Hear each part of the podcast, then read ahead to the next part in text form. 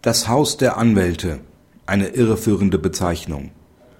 Bezeichnet sich eine Kanzlei als das Haus der Anwälte, stellt dies eine irreführende Angabe über die geschäftlichen Verhältnisse der dort ansässigen Anwälte dar.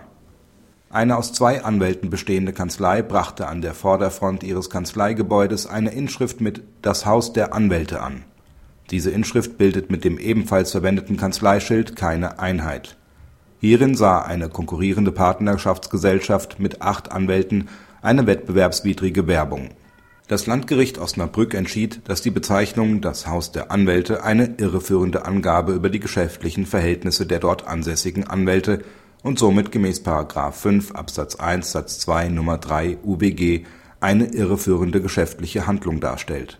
Von nicht unerheblichen Teilen des Rechtskreises wird dieser Begriff als Hinweis auf eine bestimmte Vielfalt und Qualität der in diesem Gebäude angebotenen Rechtsberatung verstanden.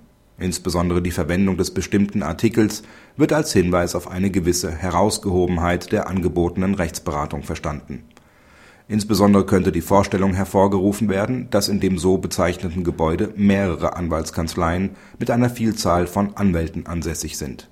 Darüber hinaus ist diese Bezeichnung auch geeignet, die Vorstellung zu wecken, dass die in dem so bezeichneten Gebäude ansässigen Anwaltskanzleien in bestimmter Weise miteinander kooperieren, etwa dergestalt, dass bei komplexen, mehrere Rechtsgebiete umfassenden Rechtsfragen verschiedene spezialisierte Anwälte aus unterschiedlichen in dem Gebäude ansässigen Kanzleien zusammenarbeiten.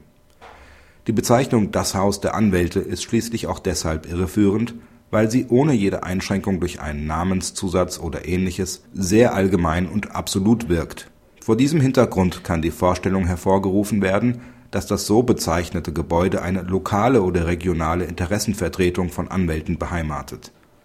In der Stadt der Kanzlei ist zum Beispiel die Interessenvertretung der Handwerker im sogenannten Haus des Handwerks ansässig. Auch ärztliche Körperschaften und Verbände haben ihren Sitz nicht selten in einem Ärztehaus. Praxishinweis Das OLG Stuttgart hat entschieden, dass die Verwendung der Bezeichnung Bodensee-Kanzlei wettbewerbswidrig sei und eine unzulässige Spitzenstellung des Werbenden darstelle.